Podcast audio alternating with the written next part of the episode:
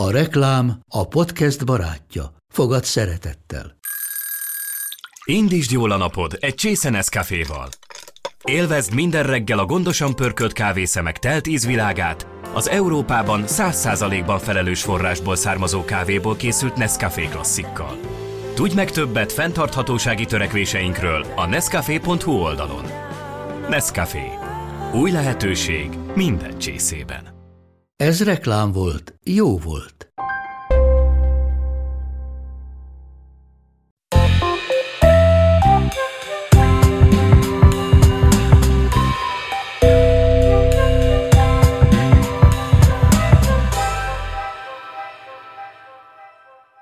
Szeretettel köszöntök mindenkit a Docs Podcast új évadában. Én Gerhát Petra vagyok, vendégeim pedig Siklósi Zsófi, a Home Kervet operatív vezetője, a Doggrund alapítója, Perlaki Fanni a Barshop alapítója, kutyadietetikus, illetve Kajó Cecília jogász, állatvédelemmel foglalkozó jogász, a Bojtár telefonos állatvédelmi jogszolgálat egyik tagja. Sziasztok, szeretettel köszöntelek benneteket. Szia! Szia. A mai adásban a túletetett, túlszeretett, túlféltett kutyákkal fogunk foglalkozni, ezért is gyűltünk így össze, mint dietetikus, mozgásszervi problémákkal foglalkozó tréner, illetve állatjogi szakértő. Fanni, te kutya dietetikus vagy. Mit csinál egy kutya dietetikus pontosan? Hú, hát ez egy nagyon összetett kérdés azokkal a kutyákkal foglalkozom én főleg, akik, akik meg kutyásokkal, akik egy kicsit tudatosabban szeretnék etetni a kutyájukat annál, mint hogy bemennek az első nagyáruházban, vagy szakeledelboltba, és kiválasztják az első tápot, vagy egy reklámra hallgatnak. Én nekik állítok össze étrendet, olyan étrendet, amit otthon is el tudnak készíteni, ugyanakkor kiegyensúlyozott lesz a táplálás. A másik területem az egy ilyen száraz tápválasztás, akkor, hogyha szintén tudatosabban akarja szolgáltatni, illetve azért foglalkozom kisebb egészségügyi problémákkal, láss például a kutyának a lefogyasztása, vagy például allergiás kutyák etetése. Gyakran találkozol túlsúlyos kutyákkal? Az az igazság, hogy az én területemen, tehát így a barfshopban nem annyira, a kutyadietetikai vonalon azért inkább, mert hogy a barfshopban azért főleg azok járnak, akik tudatosan szeretnék etetni a kutyájukat, és ők nem is szeretnék elhízlalni, um, úgyhogy ott nem annyira jellemző. Uh, volt már egyébként uh, nem egy alkalom arra, hogy, uh, hogy fogyasztottam legutyát, az egyik például pont emény a köcsög volt, az ő gazdája keresett meg, hogy, hogy deménynek egy kicsit vissza kéne venni a vonalaiból egy jó pár évvel ezelőtt, és akkor ezt úgy sikerült is megugrani. Általában a táplálkozás elegendő lehet, vagy van egy határ, amin túl már muszáj valami egyéb terápiát is igénybe venni? Ez egyébként nagyon-nagyon hasonló az emberhez. Tehát, hogy a táplálkozás az szerintem ugyanúgy mondjuk 70% mint az embernél, és 30% pedig a mozgás hozzá. Zsófi, te a mozgás részével foglalkozol, kutyaúszodát vezetsz, illetve ott dolgozol együtt kutyákkal, igaz?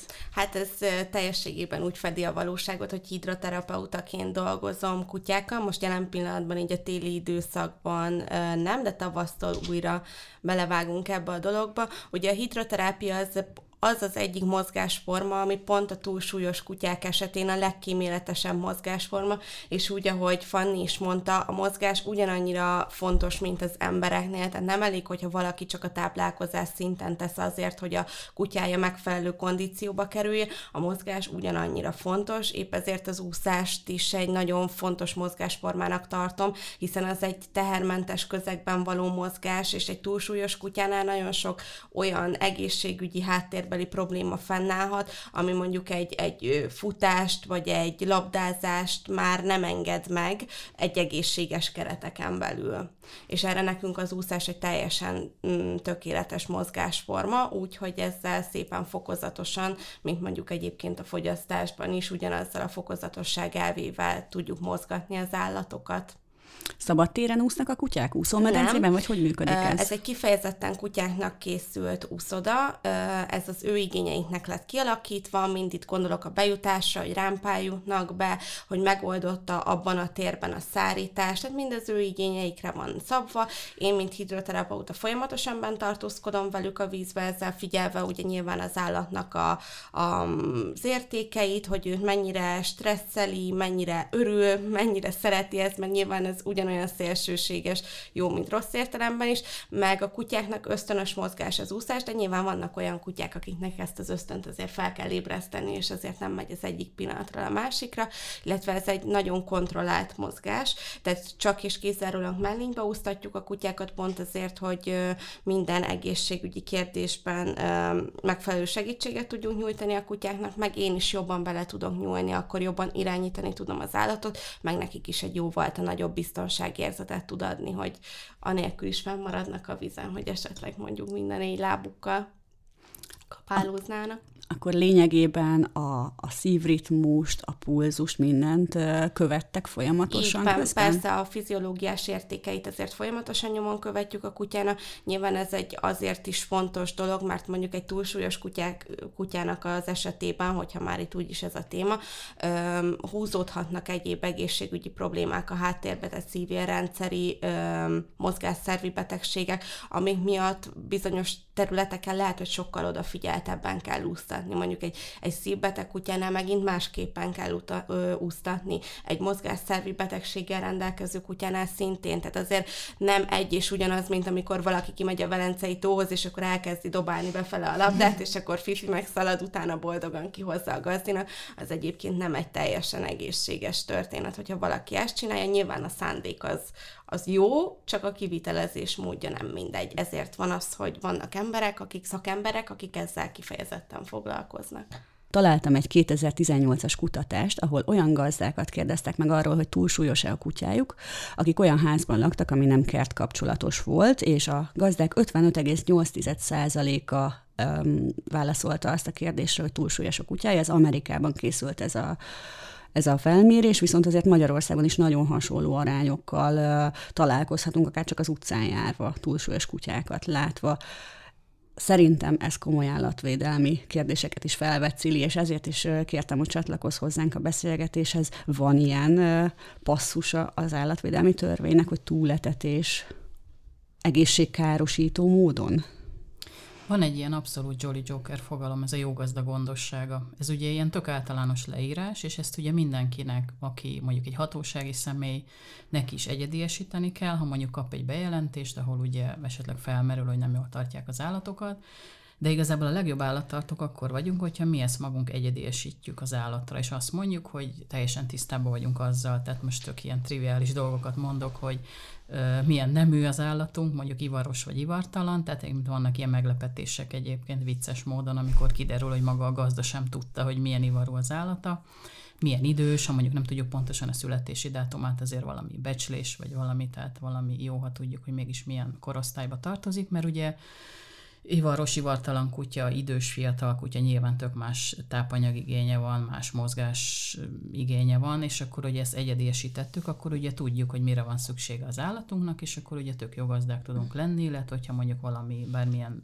számonkérést célzó eljárás indul, akkor ugye hatósági személyként tudjuk, hogy nagyjából különösebb szakértő igénybevétele nélkül, vagy különösebb, nem tudom, szakirodalom, vagy bárminek az utána nézése nélkül. Meg tudjuk állapítani, hogy mire van szüksége annak az állatnak, ez mint egy ilyen közkeletű vélekedés, meg tévedés is szerintem, és ugye mi, én korábban ilyen hatósági munkát végeztem, ugye most ez a jogsegélyszolgálat, ahol önkénteskedem, tehát hogy valószínűleg teljesen más a célközönségünk, mert ugye a, a szakemberekhez, akik itt ülök, ugye hozzájuk ugye a tudatos gazda megy, és ugye ők pont azzal szembesülnek, hogy tök jól tartják őket, és törekszenek a minél jobb tartásra. Mi meg ugye azzal, mi meg azzal szembesülünk, főleg ugye mondjuk ilyen olyan szomszédok, vagy bárki által, aki nem közönösen, nem közömbösen megy el mondjuk egy olyan helyzet mellett, amit lát a szomszédba, tehát ugye ez a közkeletű vélekedés, ugye, hogy csak a lesoványodott, éheztetett kutya az állatkínzás, de ugye csak a nyitott szemmel kell járni az utcán, rengeteg túlsúlyos kutya van,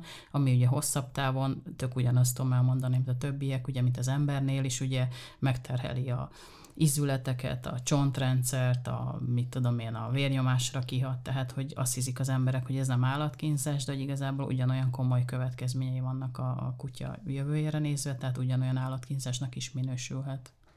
Volt már olyan eset a te öm, rálátásodban, ahol, ahol ez felmerült állatkínzásként? Én régebben önkénteskedtem egy menhelyem, ott egyébként a leadott kutyák közt viszonylag nagy számba voltak ilyen nagyon extrém nagy súly, túlsúlyjal rendelkező kutyák, főleg idős emberektől, vagy mondjuk elhunyt az idős ember, és akkor ugye az örökösöknek nem kellett az állat. És hát ugye ott ugye megfelelő táplálással, meg, meg állandó más kutyákkal való lemozgatással ugye sikerült nagyon ügyesen lefogyasztani őket. Hát a hatóságok erre még nem annyira nyitottak egyébként, tehát hogy azt könnyebben ráhúzzák és könnyebben tudják alkalmazni, hogy hát az valóban nem a jó gazda gondossága, hogy egy-két napra vagy hétre elfelejtünk enni adni, de voltak ilyen bejelentések egyébként, egyelőre túl nagy sikerrel nem jártunk, illetve egyszer egy vicces módon egy igazságügyi szakértőt, tehát igazságügyi állatorvos szakértőt is kirendeltek a témában, és hát egyébként szerintem laikusként ránézésre is extrém túlsúlyos volt a kutya, de végső soron a szakvéleményében azt hozta ki, hogy hát ez nem, véleménye szerint nem minősül olyan ö, indokolatlan ö, bánásmódnak, ami mondjuk a kutya jövőjére később kihathat. Hát ez szerintem elég érdekes, de ez mondjuk egy, egy, egy, egy eset eddig. Egyébként így az állatkínzás részéhez talán annyit, hogy érdekes, hogyha mondjuk Amerikából szoktak azért főleg tényleg olyan videók jönni, hogy mondjuk 17 kilós macska, meg már szinte járni nem tudó tényleg kutya, és csak abban az esetben látom azt, hogy van egy ilyen közfelháborodás, hogy ez már aztán azért nagyon durva, de például amikor, amikor, amikor kifejezetten kövér labrador, és csak azért a labradort szerettem hozni példaként, mert a labrador eleve úgy van benne az emberek fejében, hogy ő egy olyan kis cuki kis ilyen kis dömperkutya, holott nem. Tehát, hogyha őt normálisan tartják, akkor ő, akkor ő egy szép kis sovány alkatú kutya. Most nem azt mondom, hogy egy vizsla, de úgy nagyjából, nagyjából ott van egy retriever, hogyha ő szépen dolgoztatva van. És mégis az emberek fejében úgy él benne, hogy ő egy ilyen kis dömperkutya, olyan kis hús is. És ugye, bocsánat, és ugye az alapvetően az ilyen cukiság videóknak az alapja az, hogy rengeteg kövér, kutya, macska, és én nem tudom milyen állatot cukiskodik a videón, és jaj, de aranyos, mert ugye úgy le tudjuk rajzolni, hogy van egy karika, és akkor kiállnak belőle a végtagjai. Tehát, hogy ez az emberek megdöbbentően nagy százalékának cuki. Igen, szóval elképzelhetőnek tartjátok azt, hogy, hogy egyszerűen a látvány ég bele az emberek agyába, és mivel egyre több elhízott embert látunk, akár a híradóban, akár a filmekben, akár a, a, a mesékben, ez a testpozitivizmus, ez valahogy az állatokra is hat, illetve az állatoknak ról bennünk élő képre? Én, én nem, én ezt egy picit árnyaltabban látom, és így visszacsatolok megint a labradorra, de van még border collie is akár egyébként, akit lehet úgy hozni, hogy mit lát a, a tenyésztő, a kenel, meg főleg kiállításoknál a gazdi. Rengeteg sok elhízott kutyát lehet látni kiállításokon, mert egyszerűen azt pontozzák, hogy jó, kondiba van a kutya. Gondoljunk például a border collie hogy ő tényleg úgy lett kitenyésztve, hogy ő tudjon terelni, és most meg már a sóvonallal elmentünk oda, hogy ez a szerencsétlen kutya akarna se tudna egyébként feltétlen terelni, minél mackósabb, minél nagyobb a szőre, az akadályozza a munkavégzésben és közben, és akkor inkább olyan felé mennek el, a, van egy gazdi, aki kifejezetten a munkavonalú mm, kutyát keresi, és van, aki a sóvonalú kutyát keresi, és, és tényleg a sóvonalnál fordul elő inkább az, hogy, hogy azért van azon a kutyán pár kiló túlsúly, és innentől megy át a gazdi, hogy hát ő ezt látta, akkor ez a normális, és, és, és úgy tartja a kutyát, hogy mondjuk van rajta felesleg. Én egyébként ezzel abszolút egyetértek, mert nekem van munkavonalas, egy német Juhász mixem, aki tényleg ilyen sport szinten van tartva egész kicsikora óta, viszont van Berni pásztorom is, és bár a fajta alapvetően hajlamosabb a hízékonyságra, azt veszem észre a Berni pásztor tartók körébe, hogy abszolút belefér, hogy, hogy ott a plusz kilók nekik abszolút beleférnek, mert ráfogja, hogy nagy a szőre, jaj, hát ez még belefér. Nem, nem fér bele, mert egy nagy testű kutyánál sokkal nagyobb problémákat tudsz okozni a túlsúlya, és azt látom, az a tapasztalatom, hogy így így szemet hunynak a gazdik a saját kutyájuk túlsúlya fölött, mert nem ismerik be saját maguknak sem, hogy ez probléma, ezt ők okozták, hiszen a kutya nem saját magát eteti, hanem a felelősség teljes állattartásnak a része az is, hogy hogyan eteted a kutyádat, hogyan táplálod, és itt nem vállalják ezért a felelősséget. Nekem ez a meglátásom. És azért ugye a kiállítási világban is abszolút egyet tudok érteni így, így Fannival, hogy nagyon sokan nem, nem nézik azt, hogy mi a mi az a balansz, ami még az egészséges és a kiállítási öm, kritériumoknak megfelelően egyezik. Tehát nincs meg az az egyensúly, hogy meglegyen az is, hogy szép legyen a külleme a kutyának, de mondjuk ne legyen túl súlyos. Szerintem ez pszichológia is, akár az embernél. Tehát nagyon sokaknak ez ilyen szeretett nyelv. Tehát etetem, mert szeretem. És ugye, hogy mondjuk egy gyereknél is sokan nem találják meg azt az egészséges, nem tudom, határvonalat, hogy ugye a gyerek szereti, meg kéri, és akkor ugye adó agyon eteti, tehát nyilván egy gyereket se, ha ezen túl csak csokit akar enni, nem fog élete végig csokit adni, már lehet, hogy sokan ezt reméljük. is meg, meglépik le, igen, reméljük, hogy nem. De hogy ez egyszerű, ilyen, ilyen, ilyen rosszul magyarázott szeretet szerintem. Hát amikor tényleg így az embernek nincs más eszköze a szeretet kimutatására, és ez főleg egyébként az idősebb generációnál megfigyelhető, ugyanúgy egyébként nem pszichológiában mondott, hogy a családtagját is egyébként úgy szerető, hogy na, gyere unokám, megyél nagyon igen. sokat, úgy, úgy, úgy tényleg ez a, a, a gazdinál is egyébként, vagy a saját kutyája felé is. Arról nem beszélve, hogy sajnos még mindig sokan vannak olyanok, akiknek az etetés az annyi, hogy akkor majd a kutya eltünteti a maradékot, vagy ugyanazt teszi, amit én, sőt, még akár akár ez egyébként tényleg olyanba is elmegy, hogy akkor kávézunk együtt, meg ö, én nekem van egy hamburgerem, te is kapsz egy hamburgert. Meg tehát azért ez el tud... csokit, mert nagyon szereti, meg mert Igen. szépen kérte. Tehát Igen, tehát ez így el tud menni egyébként elég extrém irányokba, és nekem az a szomorú mindig ebben, hogy tök jó, hogy egyébként a kutyán ettől túlsúly van, tök jó, de közben pedig minőségileg éhezik. Tehát ezért valamilyen, uh, valamilyen szinten ez egy, ez, egy, ez egy éhezés. Hiába ő egyébként látszólag el van hízva. Meg ami eszembe jutott még az a lustaság, tehát hogy ugye a te szakterületeden ugye például nagyon fontos, ugye gondolom az adagolás, meg a mindenféle összetételek Persze. ki tökéletes művészi kiporciózása, tehát hogy az a legegyszerűbb, ugye, hogy kihányok egy nagy adag száraz tápot, és akkor majd eszeget belőle, mert ugye majd ő tudja, hogy mikor éhes, meg mire van rá szüksége, előtte. és akkor ugye vagy unalmába, vagy hát nyilván tehát megeszés. Akkor látom, elfogyott, utána töltök. De hogyha mondjuk tudnám, hogy nagyjából mennyi az adott adag, és mindig annyit kiraknék egy nap, és ugye akkor látom, hogy elfogyott, de nem adok neki többet, hisz az a napi adagja volt.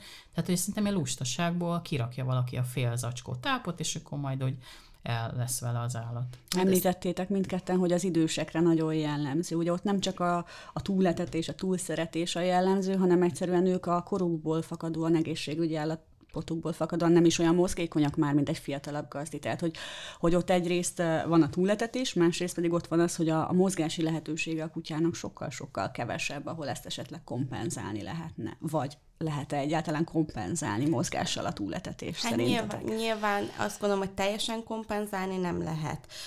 De közben meg azt is látom, hogy van az a kulturális szakadék, ami mellett nem mehetünk el, hogy nyilván ott a kutyatartásnak a kultúrája mondjuk a nagyszüleink idejében teljesen más volt. És úgy gondolom, hogy mondjuk a mai társadalomban a fiatalabb kutyatartók sokkal tudatosabban etetik az állataikat, sokkal tudatosabbak az összetételekkel kapcsolatban, sokkal többféle etetési módszer is van, amiből tudnak válogatni. És nyilván itt, amiről az előbb beszéltünk, hogy a mennyiség is nagyon fontos, de mondjuk egy idős ember lehet, hogy már nincs meg az a rálátása, bár mondjuk nyilván lenne, akitől segítséget kérhet ezzel a témával kapcsolatban, de hogy nem, nem fognak ennyire tudatosan belemélyedni itt a mozgatáson kívül, mert nyilván, hogyha kertesházon fogja kiengedni az udvarba, ezt egy fiatalabb ember is megcsinálja, csak az a háttérben lévő lévő tudatosság szerintem nagyon hiányzik ami mondjuk a fiatalabb generációban megvan bennük, meg már talán nem annyira. Nem, meg ugye sok idősnek eleve idős a kutyusa is, tehát már ő sem ö, annyira mozgékony mondjuk, mint évekkel azelőtt, és közben pedig kapja ezeket a falatkákat, amiben tényleg a száraz táp az, az, az borzasztóan elkényelmesítette az embereket, és nekem ez mindig olyan furcsa volt látnom, hogy olyan alap, hát a száraz tápban minden benne van. De mondom, könyörgöm, akkor mi emberek miért nem fejlesztünk ki valami étrendet, amiben minden benne van, és akkor majd így ezt szépen eszegetjük. Tehát, hogy, mi is a kis száraz Hát ha nem is száraz, bármilyen formában. Igen, egy ilyen űrhajós. És, hogy, és az alakította ki, hogy hát együnk, egy, etessünk száraz tápot, mert a sima általad elkészített kajában biztos nincs meg minden, mondom, és akkor a te étkezésed.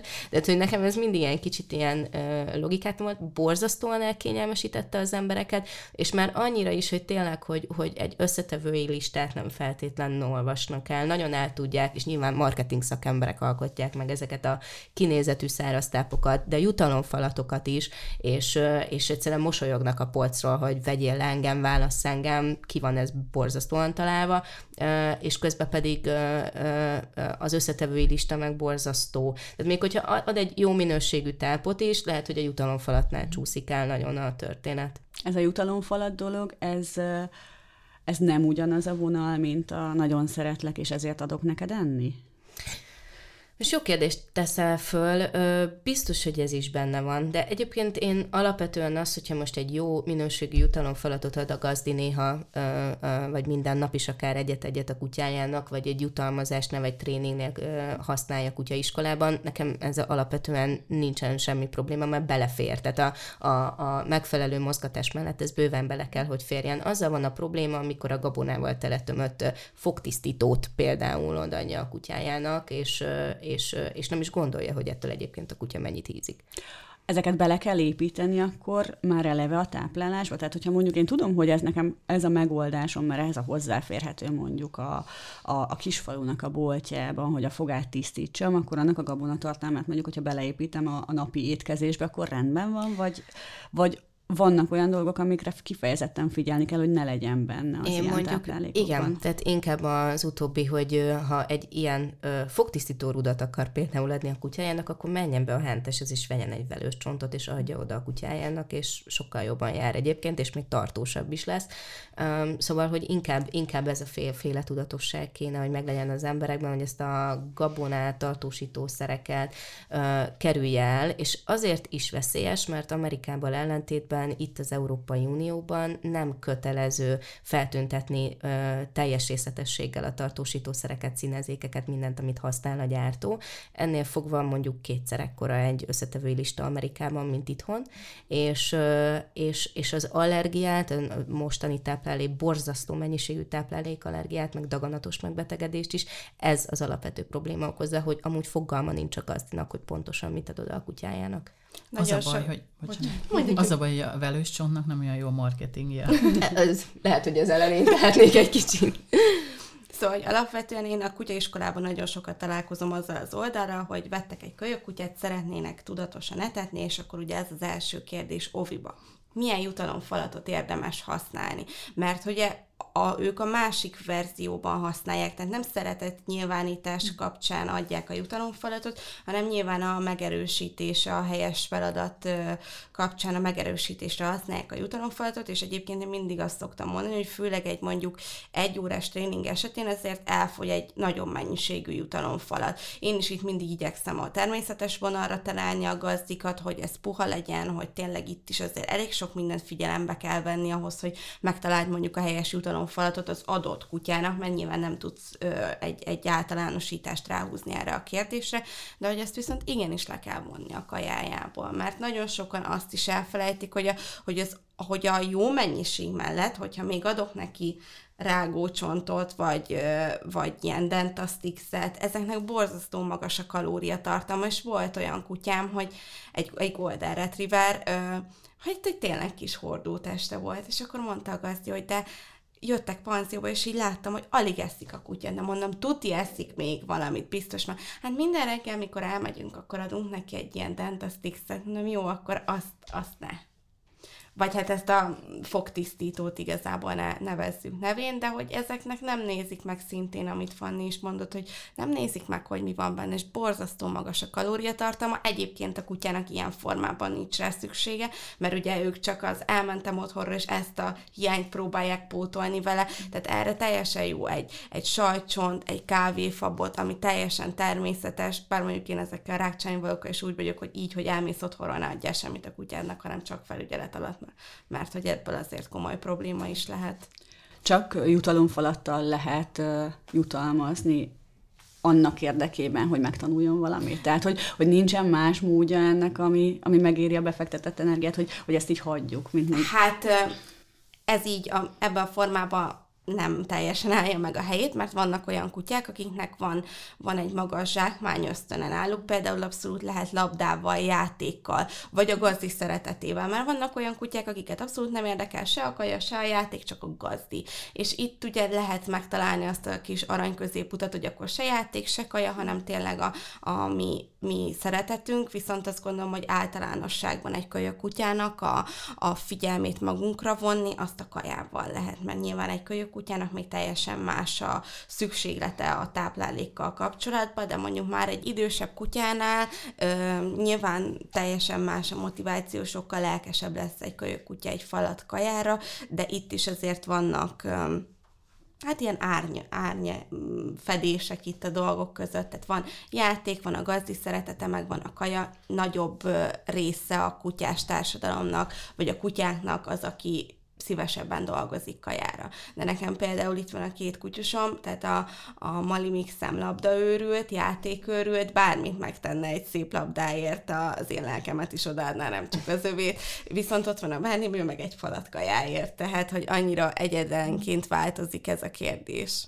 Ez olyan egy kicsit, mint a szeretet nyelv az embereknél, nem? Igen, csak azt gondolom, hogy, hogy egy állat esetében az ember próbálja eldönteni, hogy az ő véleménye szerint annak az adott állatnak mi a szeretet nyelve. Lehet, hogy amúgy ő tökre szeret labdázni, vagy együtt közösen sétálni a parkba, vagy minőségi időt eltölteni, de ő mégis inkább úgy határoz, hogy szerint az én kutyámnak a szeretet nyelve az, hogy adok neki még 10-15 falatkát, megadok neki a vacsorámból, mert jaj, milyen szépen nézett, meg hát ezt ne dobjuk már ki, mert majd megeszi a kutya. Azt gondolom. És ugye itt csatoljunk vissza a jó gazda gondosságához. Tehát akkor vagy jó gazda, meg felelős állattartó, ha mondjuk fölismered, hogy a saját kutyádnak, és ha három van, akkor nyilván lehet, hogy három eltérő szeretetnyelve van, hogy fölismered, és ugye tudod mindegyiknél, hogy melyik, melyiket mivel tudod motiválni. Ez azért elég kemény munka de mondjuk a kutyatartás hát, ugye eleve igen, az. Tehát, hogyha erre nem vagy képes, meg hajlandó, akkor szerintem inkább ne legyen kutya. Tudod, hogy ne tarts állatot. Tehát, hogy ez tényleg ennyire fekete és fehér, hogy aki vállalja ezt a felelősséget arra a 10-15 évre, vagy reméljük még hosszabb időre, mert azért egy, egy helyes táplálás, egy, egy odafigyelt egészségi állapot, kellő mozgatás mellett azért egy 15 évet azért egészen jól bele lehet számolni így az átlag életkorba, de akkor azt vállalni kell, hogy, hogy akkor ez végig ilyen. Tehát ez vég, ezt az energiát végig bele kell rakni abba, kicsit, hogy neked kutyád van. Kicsit térjünk vissza a tápláláshoz. Korfüggő, fajta függő, mitől függ, hogy hogyan érdemes összeállítani egy kutya számára a megfelelő tápanyag fajtákat és mennyiséget, milyen arányokban kell adni nekik ezeket? Én mindig onnan kezdem egyébként a, a konzultációt, hogy próbálom megvizsgálni a gazdinak az élethelyzetét, hogy neki egyrészt mi fér bele, mert van, aki ezt mondja, hogy ne haragudj, én undorodom a nyásústól, soha nem fogom nyásúsra letetni. Tehát, hogy mi, mi az ő élethelyzete, mert azért én 8, most már 9 éve foglalkozom a balsoppal, amikor elindultunk, akkor nagyon kevés igazán jó minőségű táp volt, ellenben nagyon sok olyan, ami agyon volt hájpolva. Most azért már a tápgyártók is reagálnak arra világigényre, hogy a kutya egyre inkább tényleg családtag, és egyre inkább szeretnénk, hogy tényleg hosszan éljen, úgyhogy ezért már vannak jobb, jobb minőségű, jó minőségű tápok is, amiből mondjuk akkor adott esetben tudok ajánlani, de ott igazából az alap az mindenhol ugyanaz, hogy a kutya az ragadozó, nagyon szeretnek ezzel velem vitatkozni, hogy mennyire mindenevő, meg mennyire ragadozó, de ragadozó fogazata, emésztőrendszere van, és ennél fogva azért főleg ő egy állati fehérje alapú étrenden él, nagyon minimális rosttal. A tápgyártók már csak egyébként a, a tápgyártási technológia miatt is szeretnek nagyon sok szénhidrátot használni, hiszen a szénhidrát egy ilyen ragasztó kötőanyagként is működik, összefogja a tápszemcséket, és, és, és ezért meg pont ők olyanok, akik általában mondjuk egy 50-60 százalék fölé is menő szénhidrát tartalmat használnak, és ez is inkább az olcsó gabonafélékből áll össze. Úgyhogy itt van egy ilyen ellenérdekeltség egyébként, de alapvetően, hogyha akár egy otthon elkészíthető étrendet veszünk, akkor, akkor egy ilyen het, akár 70% húscsont belsőség tartalom is lehet, és akkor a maradék egy ilyen lassan felszívódó szénhidrátból kéne, hogy álljon zöldségekből reszelve ez változik akkor előre haladtával? Tehát egy nyugdíjas korú kutyának mondjuk lehet, hogy kevesebb fehérjére van szüksége, mert mondjuk mozgásszegényebb életmódot folytat már? Az az érdekes, hogy nagyon, tehát nagyon az a közkeletű, hogy, hogy vigyázni kell, főleg a veselye miatt vigyázni kell a kutyának, az akkor előre haladtával arról, hogy mennyi fehérjét vesz be. Viszont a legújabb kutatások pedig azt mutatják, hogy nem, hanem inkább a fehérje minősége számít, tehát itt is az állati eredetű fehérjére utalok vissza, mennyiségben a mozgás, mozgás szegényebb életmód miatt kevesebbet kell ennie, viszont arányaiban nem feltétlen változik. A zsírtartalom az egy olyan 20% körül, az a max, amit, amit kapnia kell, és, és úgy nagyjából akkor így így áll össze. Uh, nyilván egyébként aktivitás függő is, tehát egy munkakutya az uh, akár kétszer annyit is megeszik, mint egy hobbi célból tartott kutya. Uh, kistestűeknek gyorsabb az anyagcseréje, ők a saját testsúlyukhoz mérten többet kapnak, mint, mint, egy, mint egy nagyobb testsúlyú kutya, úgyhogy ez úgy egyedileg kell um, kitapasztalni, illetve megtanulni is, mert azért erre már vannak akár egyébként nálunk is online letölthető anyagok, amik, amik, amik ebben segítenek elindulni. Cili, te említetted, hogy ahol önkénteskedtél, ott jellemző volt, hogy idős gazdiktól kerültek be a máhelyre túlsúlyos kutyák, úgyhogy akkor gondolom, hogy élesben láttad, hogy mekkora munka lehet, milyen kemény meló lehet az, hogy ezt a megfelelő súlyt újra elérje egy, egy kutya.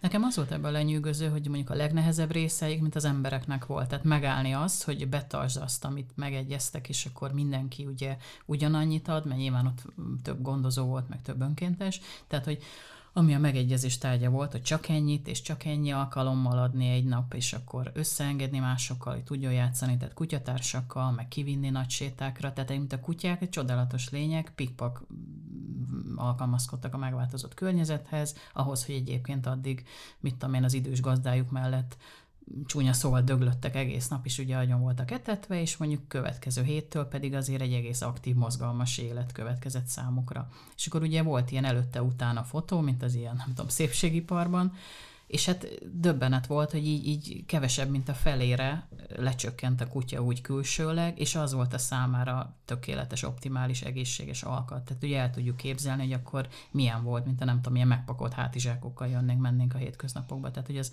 mennyire megterhelő lehetett neki. Tehát, hogy számomra ez volt a legjobb üzenete ennek, hogy sokszor az emberek számára jóval nehezebb betartani, és az állatok sokkal jobban alkalmazkodnak ahhoz az életmódhoz, meg, meg táplálkozáshoz, mindenhez, amire nekik való valójában szükségük van. Hát igen, ők meg egy kisgyerekkel ellentétben nem fognak hisztizni a gumicukorért a, a boltban valószínűleg, hogy, hogy megkapják. Hát nyilván azért ez a kérő, kuncsorgó tekintetek, meg ugye azért volt ott néha egy kis hisztizés, de mondom, tehát hogy az embernek kellett mindig erősebbnek lenni, hogy betartsa ezeket a előre megbeszélt szabályokat. Bár azért egyébként azt gondolom, hogy nyilván ez egy szélsőséges eset, amikor így egyik napról a másikra kell alkalmazkodni a kutyának egy új élethelyzethez, és ugye ez a, ez a fogyasztást is követi, mert hogy azért a fogyasztás folyamatának lassan kell történnie, hogy ez túlságosan ne viselje meg az állatnak a szervezetét, ugyanígy mondjuk egy, egy nagyon alultáplált kutya esetében, mint egy túlsúlyos kutya esetében, hogy, hogy nagyon fontos a fokozatosság, különben nagyon meg fogja viselni a szervezetét, és ennek később vagy hosszú hosszú távon egészségügyi hatásai is lehetnek nyilván negatív értelemben. Ez mindkét oldalra igaz. Persze, tehát az előtte-utána fotók, ez ilyen közel egy év. Tehát Igen, azért tehát ott ez legalább kell... egy éves pálya. Csak azt mondom, hogy hogy az, hogy akkor hát kedves, nem tudom, bubu vagy fifike, akkor hétfőtől indul a nagy... Igen, nekik nem volt ott választási lehetőségünk, nem volt idő, hogy szépen átálljunk, hogy csak mondjuk 10%-ot csökkentünk a, a kajájukból, vagy ilyesmi, nem nekik egyik pillanatról a másikra megváltozott az életük, és nyilván ebbe a közegben meg már felismerték, hogy ez egy probléma, és itt segíteni akartak rajtuk. Nyilván tudják is, hogy mit csinálnak, de hogy alapvetően, hogyha valaki otthon felismeri azt a problémát, hogy neki túlsúlyos a kutyája, és akkor ő most otthon magától próbálja megoldani ezt a problémát, azért ez nem úgy kell működjön, hogy holnaptól akkor nem adok csak öt szem tápot, mert majd addig csak öt szem tápot eszel, amíg elreméred azt a kellő persze. súlyt. Szerintem azért ezt itt fontos kiemelni, hogy vannak szakemberek, akiket fel lehet keresni ezzel kapcsolatban, tudnak segíteni. Nyilván, hogyha olyan ö, kezekbe kerül, akik ö, értenek is ehhez a dologhoz, ott ez megint más kérdés, de otthon senki ne kezdjen el így szerintem magától mm. próbálkozni, vagy ha igen, akkor, akkor járjon ennek utána. Hát ez olyan szerintem, mint a humán vonalon, ugye ott is azt mondják, hogy ha mondjuk az ember nem két nap alatt hízott meg úgy, ahogy, akkor nyilván két nap alatt ne akarja lefogyni, tehát nyilván ez egy tudatos és átgondolt hosszabb folyamat persze. Tehát akkor ez ismét egy olyan téma, ahol az a végkicsengés, hogy a gazdi tudatossága a legfontosabb a, a kutya egészsége szempontjából. Abszolút. Abszolút úgy gondolom. Illetve akkor vagyunk jó gazdák, meg gondos gazdák, hogyha fölismerjük a saját kutyánk szeretett nyelvét. Ezt most így örülök, hogy összeraktuk így hárman ezt, a, ezt az üzenetet. Hát akkor már megérte ismét csatlakoznod hozzánk. Köszönöm szépen vendégeimnek is, hogy velem tartottak itt a műsorban. Siklósi Zsófinak, a Homekervet operatív vezetőjének, a Doggrunt alapítójának, Kajó Cecíliának, a Bojtár Telefonos Állatvédelmi Jogsegélyszolgálat Egyesület egyik jeles képviselőjének, illetve Perlaki Fanni kutyadietetikusnak, a Barfshop alapítójának. Köszönöm szépen még egyszer, sziasztok! Köszönjük szépen! Köszönjük.